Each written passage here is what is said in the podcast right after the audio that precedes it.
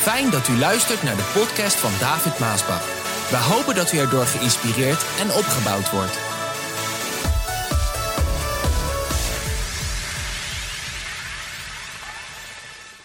Regel je zaken. Regel je zaken. En misschien voor de ouderen, regel uw zaken. Komt eigenlijk een beetje op neer van uh, Hiskia. U kent dat verhaal wel dat uh, de Heere God tegen Hiskia zegt: breng uw huis op orde. En, en, en vandaar dat ik eigenlijk een, een beetje moderne quote heb: regel je zaken. Het is de laatste zondag van het jaar. Zo, ik vind het een, een, een, het is een direct iets wat ik vandaag aan iedereen ook persoonlijk wil zeggen. Regel jouw, regel je, regel jouw zaken. En dan lees ik uit Psalm 32, vers 8. En dan zegt de Heer, ik de Heere laat u zien welke weg u moet gaan. Ik geef u raad en houd mijn oog op u gericht. Dit is best wel een bekend, een bekend vers, maar ik vind het zo mooi voor deze laatste zonde van het jaar. Ik, zegt God zelf tegen jou vandaag, ik, ik, de Heere, laat jou zien welke weg jij moet gaan. En ik geef jou raad en houd mijn oog op u gericht. Kijk, dat, dat laatste zinnetje is natuurlijk wel een zinnetje uh, ja, wat iedereen onderstreept uh, en, en, mooi vindt. Ik hou mijn oog op jou gericht. Maar die eerste twee vind ik net zo belangrijk. Ik laat jou zien welke weg jij moet gaan. En ik geef jou raad, zegt de Heer. Nou, de weg van de Heer en de raad van de Heer. Vraag, wat doe jij daarmee? Wat heb jij daar dit jaar mee gedaan? Als God zegt, ik laat jou zien welke weg je moet gaan. En als God zegt, ik geef jou raad, ofwel advies. En soms vraag ik mij af, hè, wie zijn jouw raadgevers? Wie zijn dat? Is dat jouw papa of je mama of je broer of je zus, je oom of je tante? Zijn dat je broeders of je zusters, of je vriend, je beste vriend, beste vriendin, collega's? Wie zijn jouw raadgevers? Nou, ik ben blij, dat mocht ik al heel jong van papa Maasbach horen, wie zijn jouw raadgevers?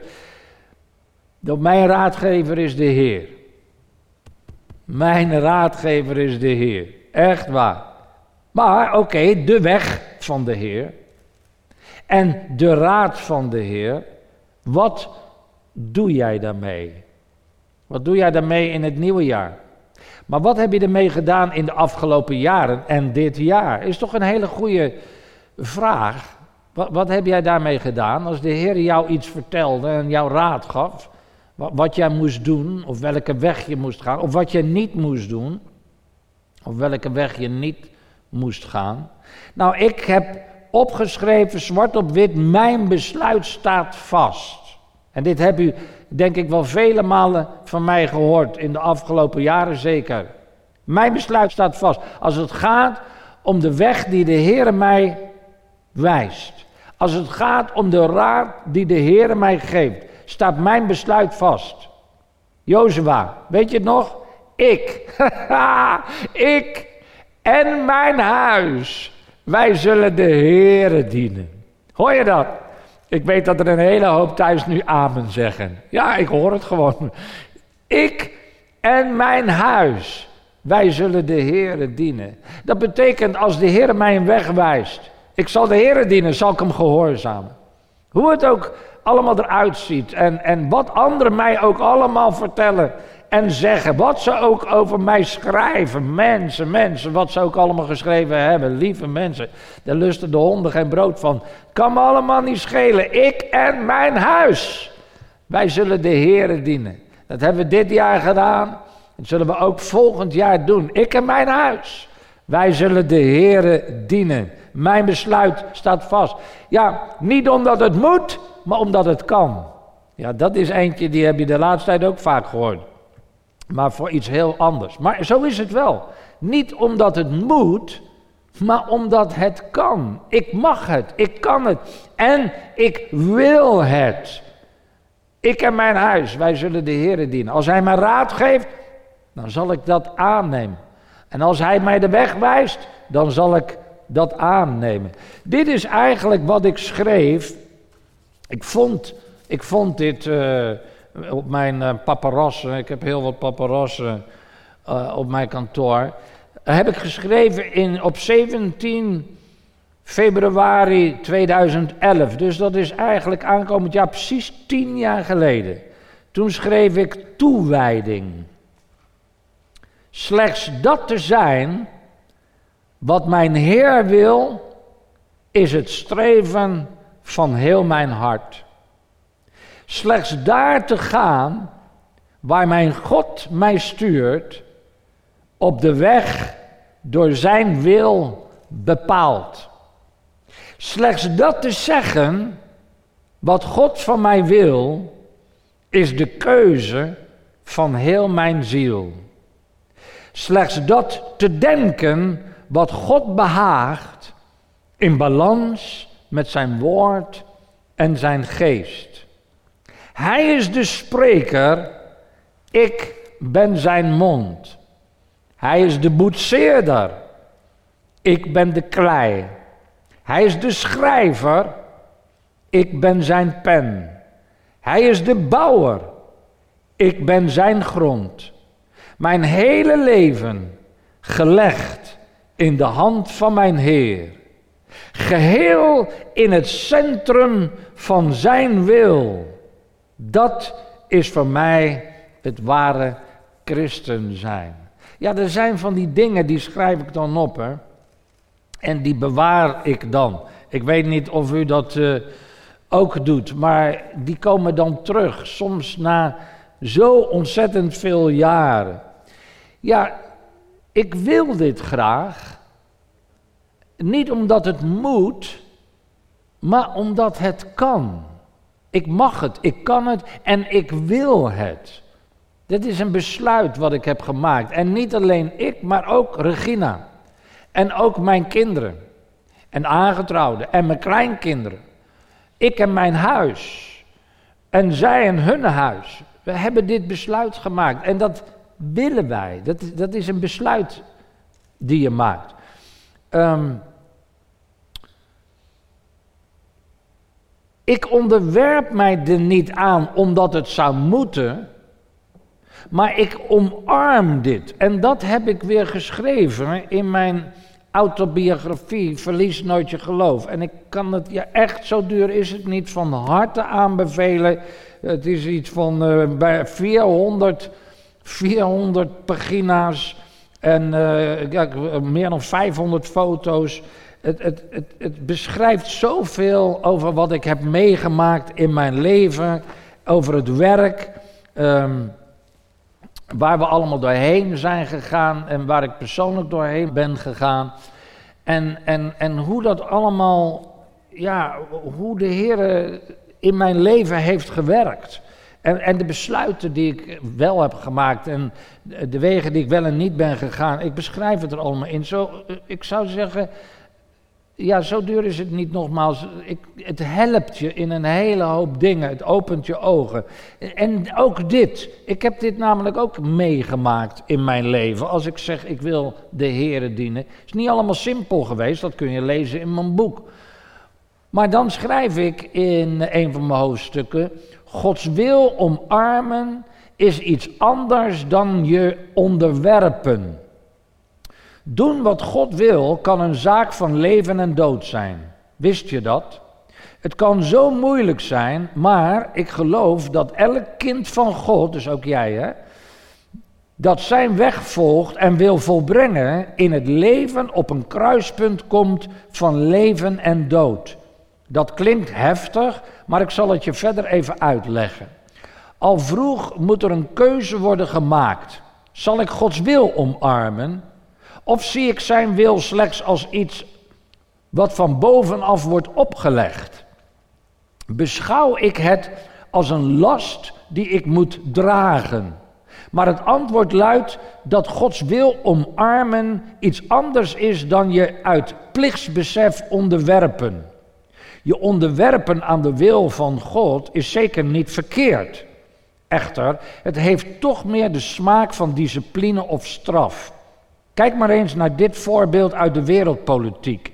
Toen Irak in de Golfoorlog op de knieën werd gedwongen, was het land verplicht zich te onderwerpen aan de opgelegde wil van de VN. Het land omarmde deze wil niet, maar het onderwierp zich hieraan omdat het niet anders kon. Dat Gods kinderen de wil van God op deze manier beschouwen, vind ik triest. Ik ervaar Gods grote liefde, glorie en heerlijkheid wanneer ik in de volmaakte wil van God ben. Dat is voor mij de reden dat ik in vrede, rust, blijdschap en dankbaarheid de wil van God kan omarmen. Soms is dat moeilijk, maar in het doen van Gods wil ligt mijn kracht. Natuurlijk weet ik hoe pijnlijk dat voor velen is. Het probleem bij het doen van Gods wil is dat er altijd strijd aan vooraf gaat. Omdat de duivel helemaal niet wil dat we de wil van God in ons leven volbrengen. Ik kwam tot de ontdekking dat we alleen de wil van God kunnen omarmen in de hof van Gethsemane, zoals Jezus dat deed. Want hoewel Jezus de wil van zijn vader goed kende, moest hij toch een keuze maken tussen het doen van zijn eigen wil en die van zijn vader. En dat gebeurde daar, in de hof van Gethsemane. Want om de wil van zijn vader te omarmen, was er maar één weg. Lucas 22 zegt, want uw wil zal gebeuren en niet wat ik wil. Wat was de wil van God in zijn leven? Dat hij de straf op de zonde zou dragen door aan het kruis te hangen.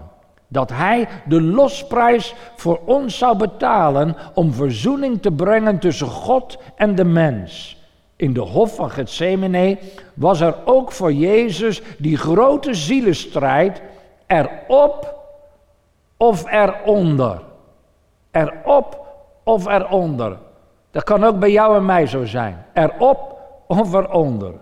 Hoe lang je ook met de Heer wandelt, er komt een moment in het leven van elk kind van God waarop je moet kiezen welke wil je in je leven wil volgen en welke weg je in je leven wilt gaan. Dat is nu de beslissing van leven of dood. Maar anderzijds is het eigenlijk ook heel eenvoudig. Omdat je nooit de wil van God in je leven kunt doen als niet eerst je eigen wil sterft. En dat proces is pijnlijk, maar ook zo belangrijk. Maar waarom is dit belangrijk in ons leven? Omdat er afgerekend moet worden met ons eigen ik, ofwel met ons eigen zin en wil. De eigen wil moet sterven om de wil van God te kunnen doen. En daar ligt het grote probleem. Dat doet pijn, waardoor velen zich hiertegen verzetten. Maar wat een grote overwinning behalen we en wat een sterke groei maken we door als we ons eraan overgeven en onze eigen wil laten sterven. Ook ik kwam hier niet onderuit. Ik moest mijn wil op het altaar leggen en laten sterven. En het deed geweldig veel pijn. Maar wat een vreugde, blijdschap en vrede is hieruit voortgekomen. Ik ervaar het elke dag. Dat was aan het begin met mijn wandel als leider voor het werk en voor de gemeente. Zo, het is belangrijk dat we onze zaken regelen. En dat we de raad van de Heer opvolgen. En dat we zijn weg die Hij voor ons bepaald heeft, zullen volgen. En dat we dat dan niet doen uit een ja, soort plichtsbesef. En we ontwerpen, onderwerpen ons omdat we het eigenlijk helemaal niet willen, maar we doen het maar. Nee, dat je gaat dat je eigen wil zal sterven en dat je het gaat omarmen. Dat je het uiteindelijk in alle pijn en verdriet, om dat te doen wat God wil dat je zal doen, om dat te omarmen en uiteindelijk gaat doen uit liefde voor Hem. Nou, en met Pasen volgend jaar schrijf ik ook een boek dat heet Gethsemane. Het wordt een 25-daagse reis. Het is een dagboek van 25 dagen. Zo voor de Pasen ga ik het uitgeven. Het heet Gethsemane. Um, door Gethsemane heen. En dat gaat dus ook hierover. Maar vooral natuurlijk hoe Jezus daar doorheen ging. En hoe wij daarin volgen. En dat voorwoord, dat heb ik eigenlijk al geschreven. Het, en dit wat ik lees, komt natuurlijk allemaal, het is eigenlijk één boodschap. Het komt op het, allemaal op hetzelfde neer. Regel jouw zaken. Hoe moeilijk het ook is. Ik schrijf dan in mijn nieuw boek, wat dus nog uit moet komen. De pijnlijke ervaring en de afmattende strijd van de meeste christenen is de aanwezigheid van de macht van zonde. Och, hoe graag zouden zij met een rein hart God willen dienen, volgen en gehoorzamen. Maar hun doen en laten zijn voor hen een raadsel. Zij doen niet wat zij graag willen, nee, zij doen juist dingen waar ze een hekel aan hebben. Hoewel zij het goede willen doen, doen zij het niet. In plaats daarvan doen zij het slechte en dat willen zij juist niet. Misschien ben jij precies die persoon van wie ik dat nou lees. Je hebt dit, dit jaar, je hebt het zo eigenlijk je best willen doen voor de Heer, maar het is allemaal niet gelukt. Hij heb je raad gegeven, hij heb je de weg gewezen, maar het is allemaal niet gelukt. Je wilde wel, maar het is allemaal niet gelukt. God dienen met een rein hart blijkt voor hen een voortdurende onmogelijkheid waardoor ze vele tranen gelaten hebben. Luister, er zijn heel wat kinderen Gods die werkelijk huilen, s'avonds in bed, omdat het weer niet gelukt is. Je wilde het zo graag om dat te doen wat de Heer jou zei en de weg te gaan die de Heer wilde dat je zou gaan. En, en zijn raad, je weet het, je hoort het, je ziet het en het is toch weer niet gelukt. Ben jij zo iemand? De mensen om je heen weten het misschien niet eens. Maar jouw ziel schreeuwt het uit. Wie kan mij helpen? Wat voor medicijn kan mij genezen? Hoe kom ik hieruit? Ik zie het niet meer zitten.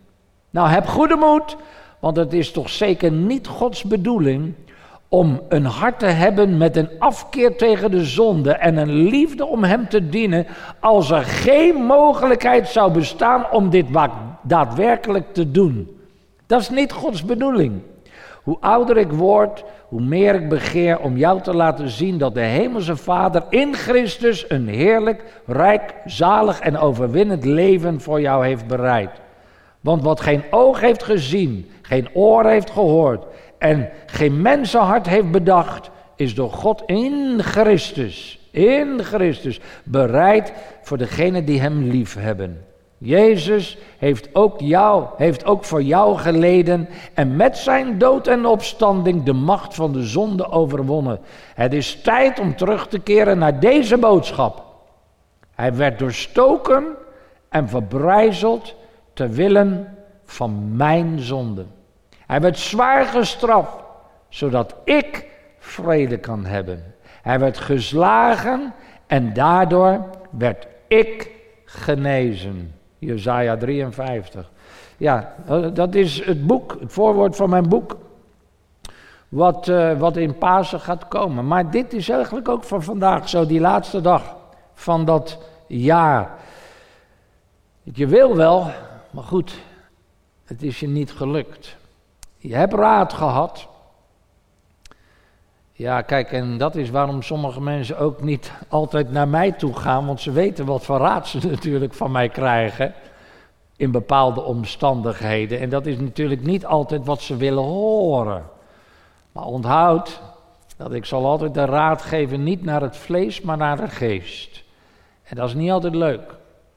En dat is precies waar de boodschap over gaat. Over die wil omarmen, hè? of je onderwerpen. Het is het sterven van je eigen ik. Misschien wilde je echt de Heer dat geven waar, wat je hem beloofd hebt. Je hebt eens heb je hem iets beloofd. Dat kan met geld te maken hebben, maar het kan ook met, met een ander iets te maken om de weg van de Heer te gaan. En nu, nu heb je misschien verkering met een meisje of een jongen en die past niet bij die weg. En je weet het diep in je hart. Maar je hebt het moeilijk, want je moet het daardoor uitmaken om de weg van de Heer te gaan. En, en, elke keer speel je daar maar mee. Je denkt, nou, nou ja, wel, ik wil wel, maar het gaat niet, kan niet. Maar ik zal je vertellen, wat een blijdschap en een vreugde zal je ontvangen als je gewoon gehoorzaam gaat zijn.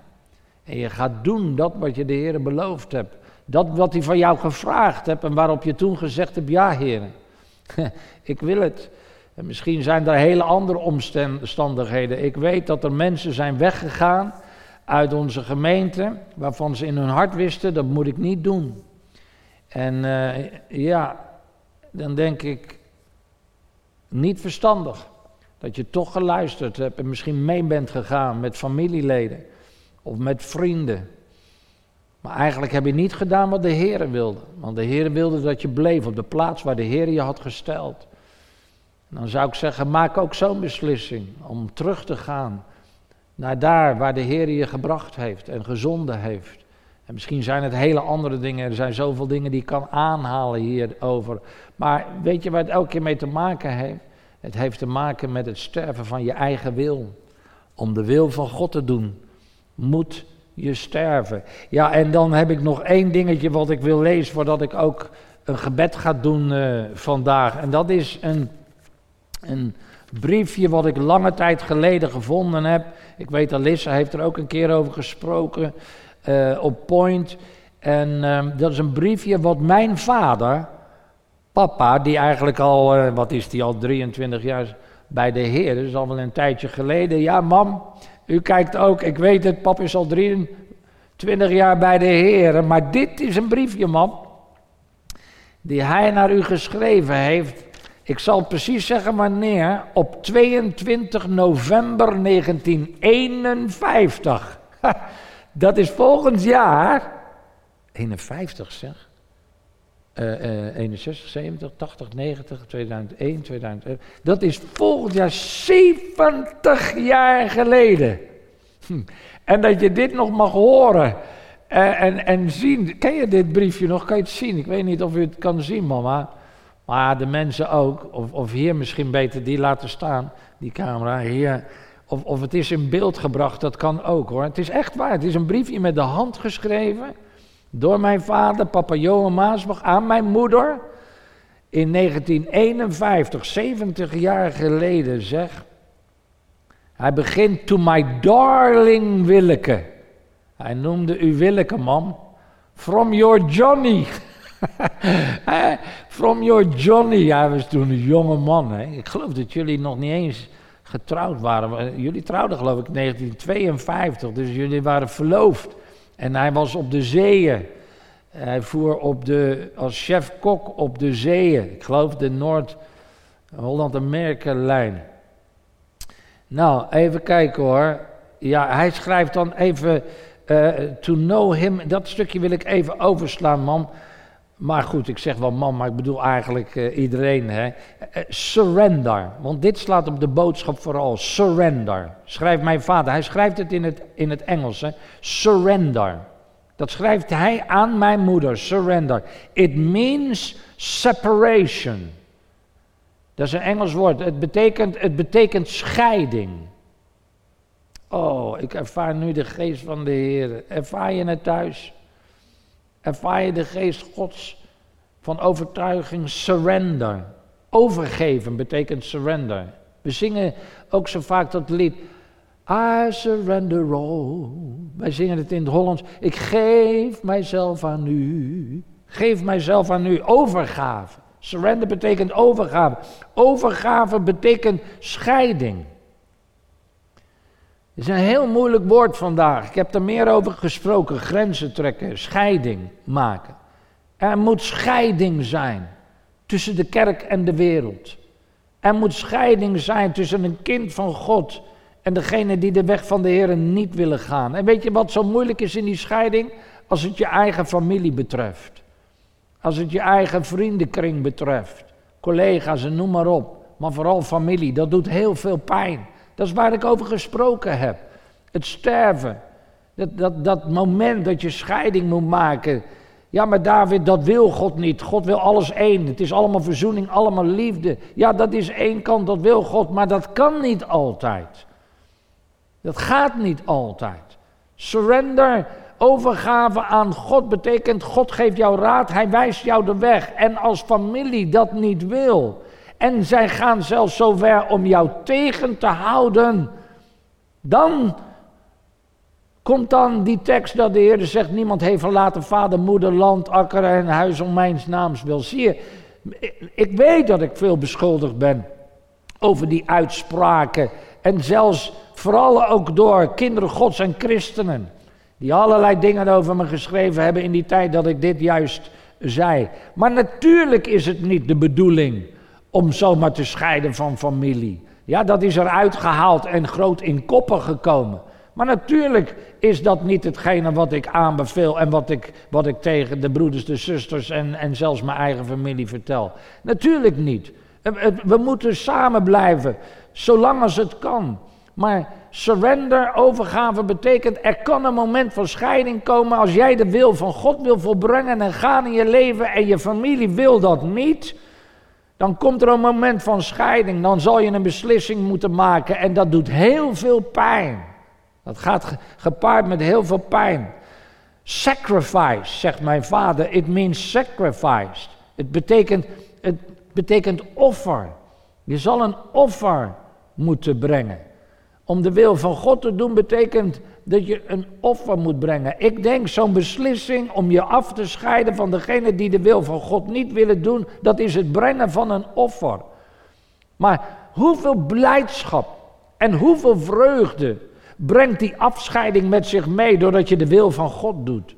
Breng dat offer met zich mee omdat je de wil van God doet. Lieve mensen, dat brengt zo'n vrede en rust en blijdschap in je hart. En dat is weer de vrede en rust en blijdschap die je moet bewaren in je hart. En niet prijs moet geven. Door dan toch weer jezelf over te geven aan, aan die weg die niet Gods weg is.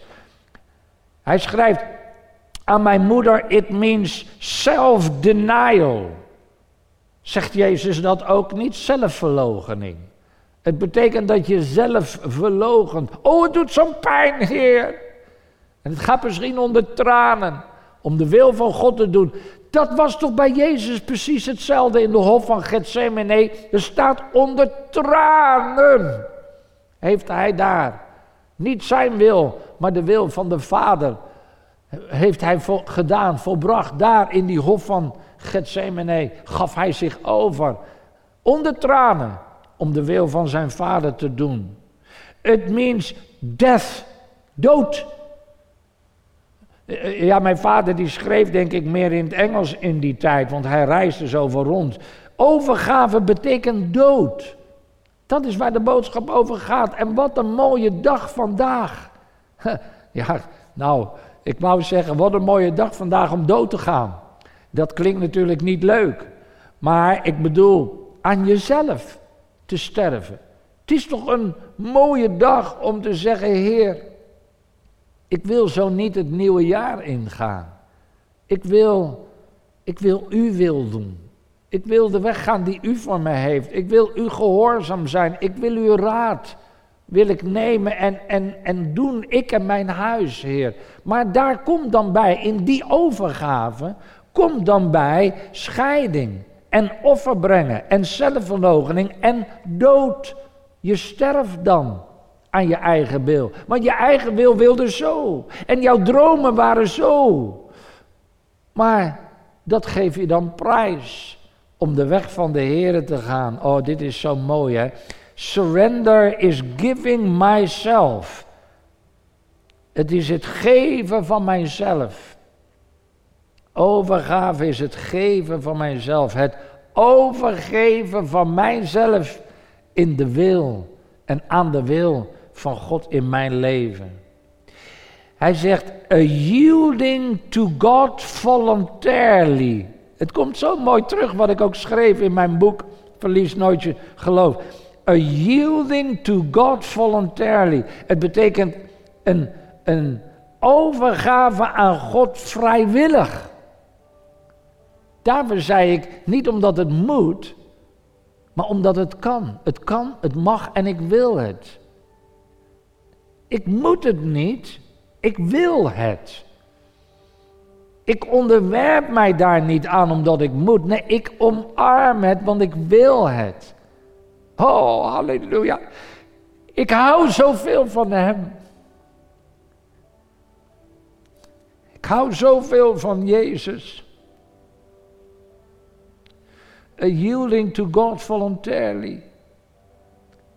To lay our whole life on the altar. Om je hele leven op het altaar te leggen. Ja, lieve mensen, dit is waar de boodschap over gaat. Vandaag. We hebben zijn woord. Hij wijst ons de weg. En hij geeft zoveel raad in zijn woord. Maar het is niet altijd wat we willen horen. Het past niet altijd in ons straatje.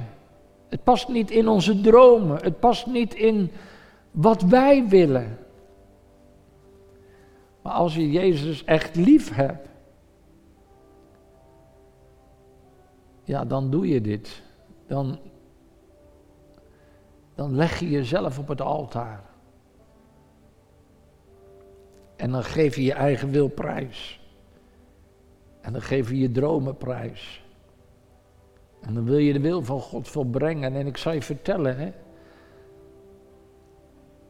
Ik heb zoveel liefde van God. En zoveel vrede van God. Heb ik on terug ontvangen. Door juist de weg van de Heer te gaan. En dat ene moment van sterven, dat doet zo verschrikkelijk veel pijn. Want het is die overgave. En er zijn velen. Ja, ik moet dit. Ik neem nog even een minuut om dit te zeggen. Want kijk, die momenten, hè, zoals nu. Hè, oh, halleluja. Ik ervaar de geest Gods.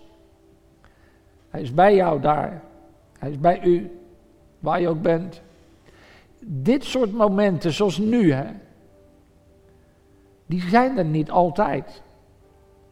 Die kun je ook niet creëren. Je kan ze niet maken zelf. En dat je zegt: Oké, ik ik, ik maak nou een besluit. Ik ga, ik ga sterven aan mijn eigen. Ik, ik ga de wil van God doen. Het zijn die van God gegeven momenten van verbreking. En die komen op bepaalde momenten langs in je leven. Dat is het moment dat de Heer daar is en iets, iets van jou vraagt. Het is het moment van het bewegen van de geest des Heeren waarin een verbroken hart en een verslagen geest niet veracht wordt van de, door de Heer. Dit is zo'n moment. En als je dat voorbij laat gaan, dan kan je niet ineens morgen of volgende week of volgende maand zeggen: Oké, ik, eh, ik ben daar klaar voor, ik wil dit nu. Dat, dat kan alleen op dit soort momenten. Weet je nog het bewegen van de engel van dat water? Op dat moment was de beweging van de geest des Heren. En het zijn op die beweging momenten van de geest van God. Dat hij daar bij jou werkt, in jouw hart.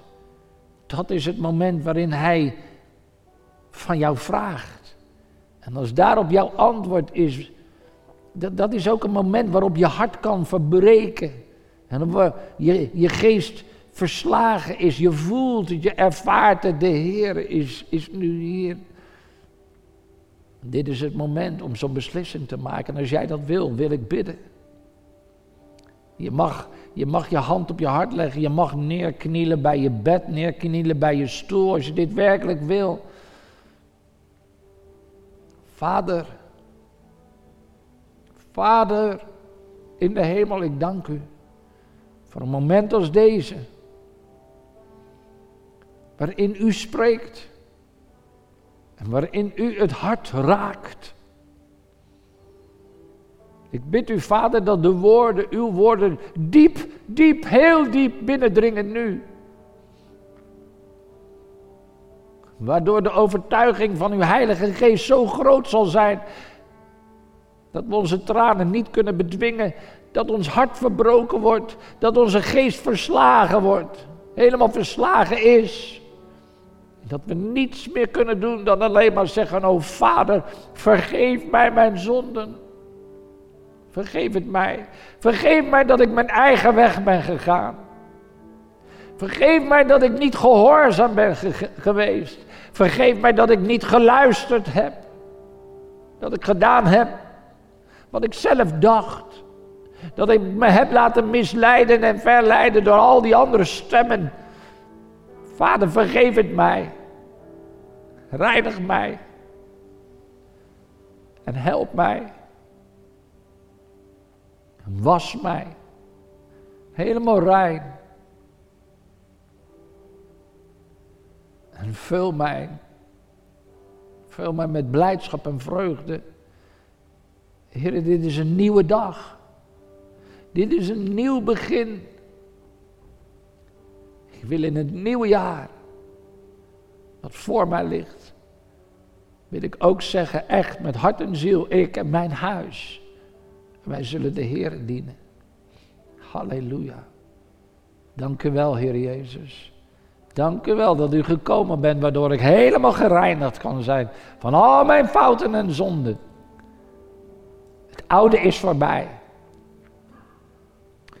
Halleluja. Nou, weet je wat het is, beste mensen? Dit is een begin van een nieuw begin. Het betekent als eerste dat je vergeving van God hebt ontvangen. Wat je ook fout hebt gedaan in je leven. Maar er zijn dingen die kan je niet alle minuut ineens veranderen. Dat wat krom is, moet je recht gaan trekken. En dat betekent dat je dingen in je leven gaat veranderen nu. Ja, je hebt een nieuw begin gemaakt. Ja, je bent vergeven van het verleden en de Heer gedenkt dat niet meer. Maar het betekent dat je nu dingen gaat rechttrekken. En als je dat nalaat, ik garandeer je, zal het je niet lukken om de weg van de Heer te gaan. Je moet recht gaan trekken wat krom is. Eh, eh, een voorbeeld, als je bijvoorbeeld verkering hebt met een onbekeerde jongen of onbekeerd meisje. Je zal het uit moeten maken om de weg van de Heer te gaan. Je kan daar nooit de weg van de Heer mee gaan. Ja, maar David, ik bid dat de. Ja, dat kan allemaal zo zijn, maar het gaat je niet lukken. En zo zijn er heel wat van die dingen. Je moet dus nu daad bij het woord gaan voegen. Ja, je bent vergeven. Ja, het is een nieuwe dag, maar nu moet je gaan rechttrekken. Nu komen de daden. Je moet gaan doen wat je moet doen. Dat is het sterven. Dat is het, het, het echte sterven wat erbij komt. Want het is één ding om de Heer te beleiden, te vragen. En de Heer doet dat.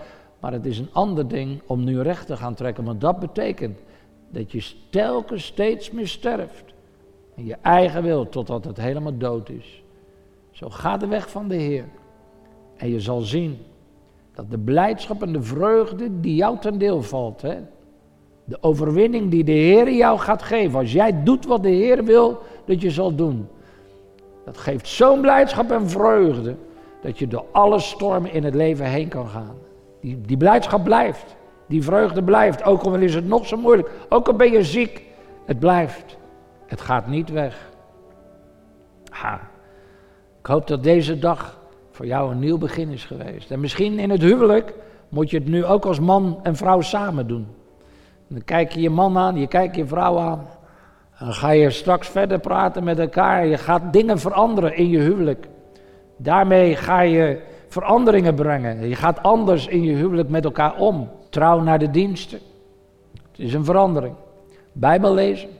Het is een verandering. Het zijn allemaal dingen die je moet gaan doen. Nou, ik kan heel wat van die dingen opnoemen. Zo, lieve mensen, ik ben blij dat u hebt gekeken. Ik hoop dat je geblest bent op deze laatste zondag van het jaar.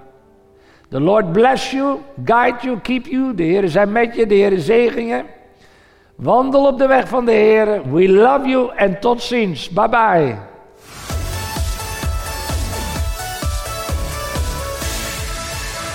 Bedankt voor het luisteren naar deze podcast. Wilt u meer preken beluisteren? Ga dan naar message.maasbachradio.com. Bezoek ook eens onze website www.maasbach.nl.